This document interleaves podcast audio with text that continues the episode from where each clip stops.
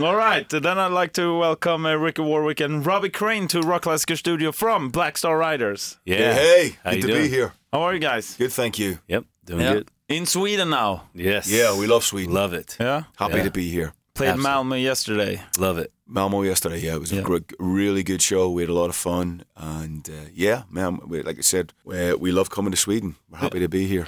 Yeah, and you have a new album out uh, also, Another State of Grace. Uh, tell me about uh, the work you had to put in there because you're not exactly neighbors in the band, so to speak. Thank God for technology. Uh, yeah, that's basically what, what Rob, Robbie just said. You know, we we send each other ideas back and forth over the internet. I mean, Robert and I are in the same city. We both live in Los Angeles, so it's not so bad. Christian, our guitar player's up in Oregon. Chad, our drummer's in Pennsylvania, and Scott Gorham's in London. So ideas go back and forth. We all do homework. We get together about a week before we start recording, go through all the ideas. You know, I, I went up to Christian's place um, up in Oregon, and we worked on a bunch of demos with everybody's ideas that we sent out to everybody. So we just make use of technology, but it works fine for us, you know. Um, you know, you, you, there's never enough time when you're making a record. You know, if you have two weeks, you'll want three. If you know, so uh, we just realize we're, we're we're there. We're trying to capture a moment. We're trying to get the best songs down that we can, and we just make use of the time that we have. Absolutely. I mean, the great thing about our band is that we are from all different areas and we all bring different things. Collectively, when we are able to get together to do the pre-production stuff, everything just seems to gel so quickly. In the past, but it was it kind of was awesome to experience what we experienced in this last record, where we all got together. Ricky and Christian made these great demos for everybody, gave a great blueprint of what we were looking at, and uh, and once we got together, it was just it happened so fast. So it's it's you know living far apart doesn't really change anything, man. It's just you get together and you're musicians, and you know it's great. Chemistry is awesome. So That's good. awesome. Yeah. Uh, speaking of another thing now, as you mentioned, uh, Los Angeles. I lived there two years. How is uh, things back home? I've seen these crazy fires going Yeah, on. um, I mean, not so good. I mean, they're they're, they're pretty close to where to where Robert lives. Um, I mean, All right. I'm, Yeah. thankfully it's not too bad where I am. Although you know our kids have been kept off school and they're not allowed to go outside because the air quality is so bad and there's there's ash everywhere. You know, get up in the morning there'll be ash on top of your car. All right. But it's pr- Robbie's more in the front line. You know, I, I'm in the West Valley, so I'm out like right on the line of the of the San Susana Mountain Pass, right there. And uh, last uh, was it last uh, November, December? We were just talking about this. The fire that swept through all the way through to Malibu was right on behind my house, like swept all the way, and they evacuated our, whole- our whole area. So it gets pretty crazy, you know, living where we live. But you know, you you, you have the beautiful weather and the uh, and the ocean and and uh, the mountains, and you know, with it comes that dry yeah. that like Ricky was saying, we have six months of dry every year to eight months. Sometimes we only get a month or two of uh, of rain, so it feeds enough to create the vegetation, and then it starts burning when it gets hot. You know, and, Yeah. and it just you know one fire starts, the embers go a couple miles down the road, and they start another fire, and so on and so on. So yeah, So, yeah. but is there a risk that you're getting evacuated now? Also? No, no, no, we're Oh. not. But like uh, I was talking to Sebastian Bach, they uh, he's right where he lives is right in the middle of the fire. They evacuated them, and uh, so a lot of our friends, you know, that live in those areas, yeah, Yeah. they get they get evacuated, you know, quickly because it's very rural where we live. I mean, we live in, in Los Angeles, as you know, you live there. Once you start going out west, like off the 101 out there into the Western Valley, it starts to get a little more rural, and and that's where the fires really just they get going, and the fire department can only handle so much, you know. So they, they create a fire line, and they just uh, they do their best, you know. I get it.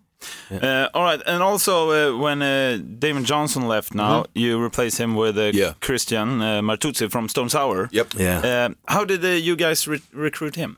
Uh, you know, through our producer Jay Ruston, who produced Another State of Grace, we were auditioning people in Los Angeles, uh, Robert and I, and we had some great players that came in audition. we just felt we hadn't found the right guy, and Jay says, "Look, have you thought about Christian Martucci?" He said, "I," he said, and we didn't know Christian. We knew who he was, obviously.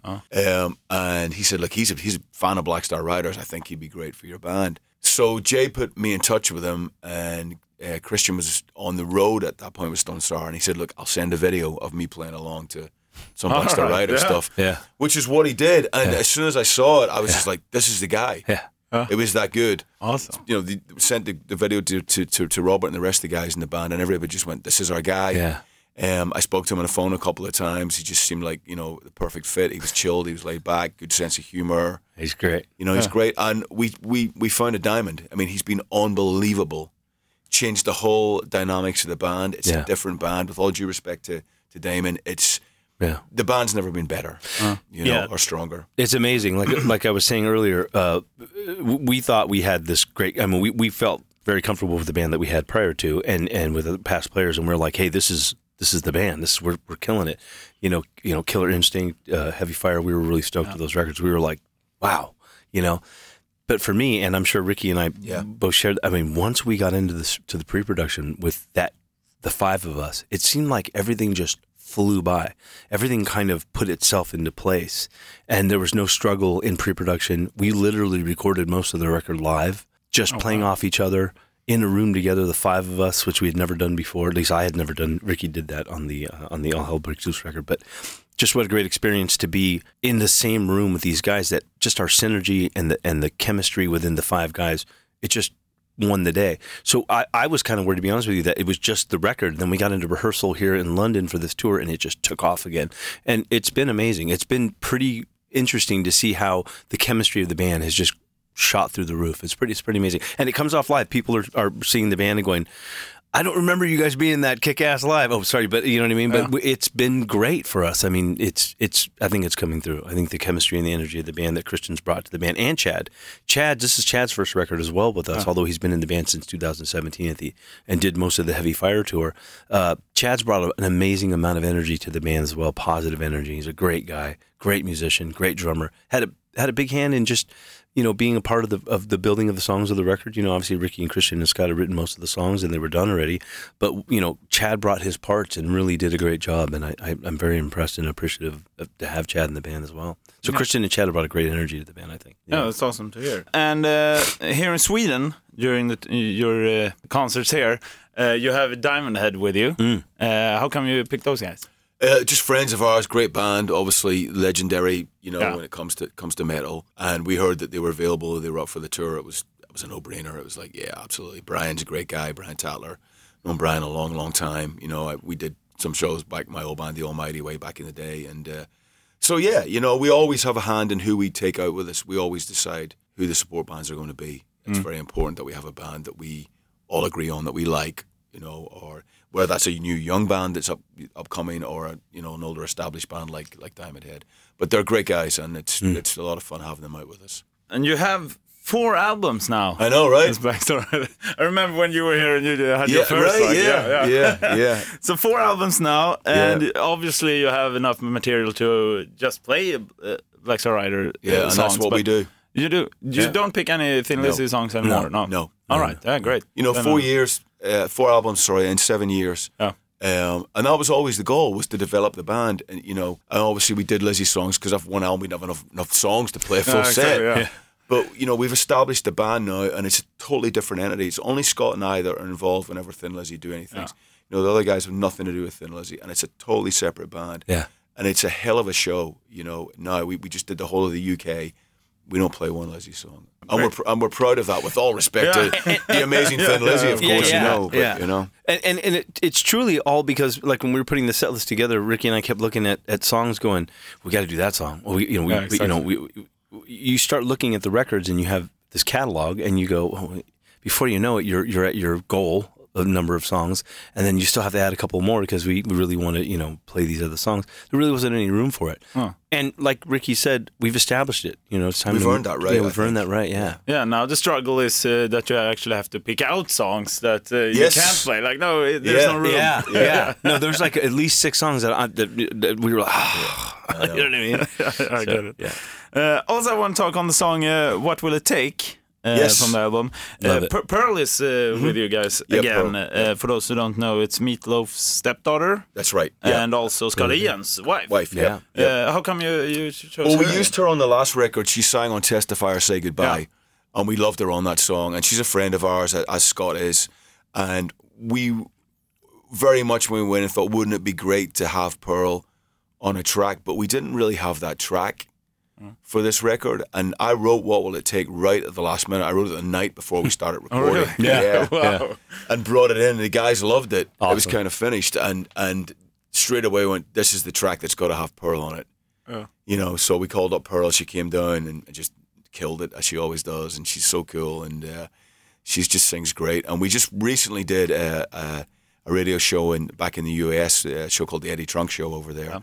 And uh, we, we we played with Pearl and Scott Ian. And Scott Ian played and with Scott us. played Alright. guitar and Pearl sang on it, and it was it was great. We did it Yeah. acoustically. awesome. So they're just good friends of ours, you know, and and they just happen to be badass musicians and singers. So it's cool, you know. Yeah, that song, that's definitely one of my my favorites on the record. Definitely. When Ricky just was like, I got an idea. And he played it for us. It was it was killer. We were like, oh, this is great. Because I wasn't sure because it's a little bit different for Black Star Yeah, It's a little bit more sort of, oh no, Americana, you know. And I thought, yeah, I mean, the guys, maybe the guys ain't going to dig this. Maybe this is not not mm. right for the band. But you know, No, right when he played it, I mean, he played us the parts. He's like, "This is what I got." He played it. We, I mean, seriously, we all just looked at each other.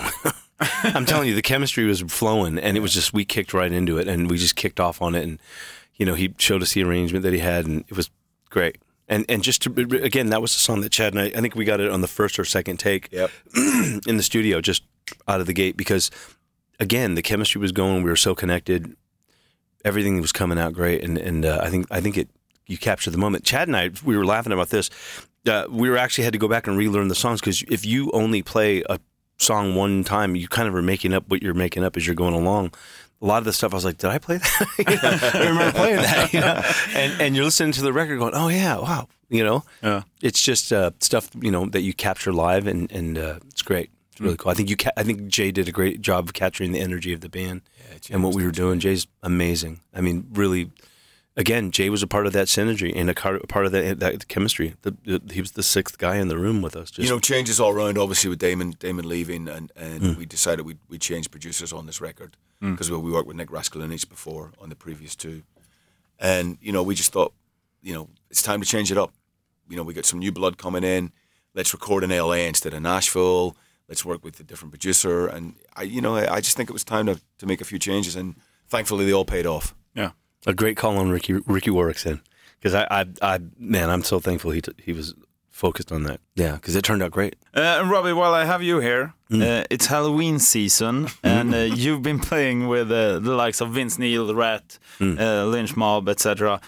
What's one of the craziest things you've seen during your career? All of them. I don't know if you have enough time, man. I mean, yeah, I've played with some pretty crazy cats and some great guys, and you know, uh, they all have their own different, you know, things. But uh, you know, I've seen some pretty crazy stuff. I mean, I would have to go into it for. I mean, I can't. Nothing comes off. You know, jumps at me. out. Oh. I mean, is it Halloween related? You mean?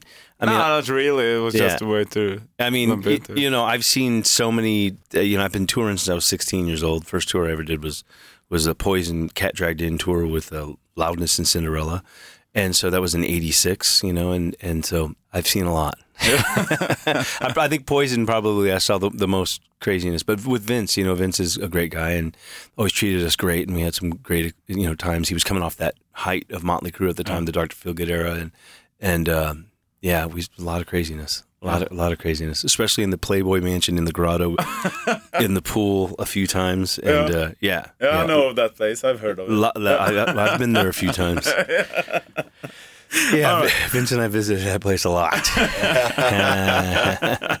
Of course.